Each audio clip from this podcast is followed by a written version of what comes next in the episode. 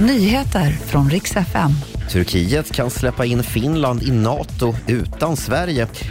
Och efter olyckan i julas, Kristina Skolins hus i Spanien ute till försäljning.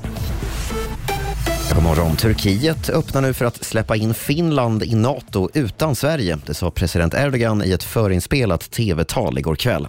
Han sa att Sverige gör sig till åtlöje under NATO-processen och upprepade också kraven på att Sverige ska lämna ut ett antal personer som Turkiet betraktar som terrorister. Så ska det handla om 29-åriga Tyre Nichols som misshandlades till döds av fem poliser i Memphis tidigare i år. Poliserna har ju fått sparken och utreds för flera brott. Nu utreds även sjukvårdarna som kom till platsen. För på filmer så ser man hur de är på plats utan att ens röra vid Nichols under nästan sju minuter. Trots att han ligger där misshandlad och utslagen. En traumaexpert säger till New York Times att det ser ut att dröja en kvart från att sjukvårdare anländer tills dess att den här mannen undersöks enligt gällande rutiner.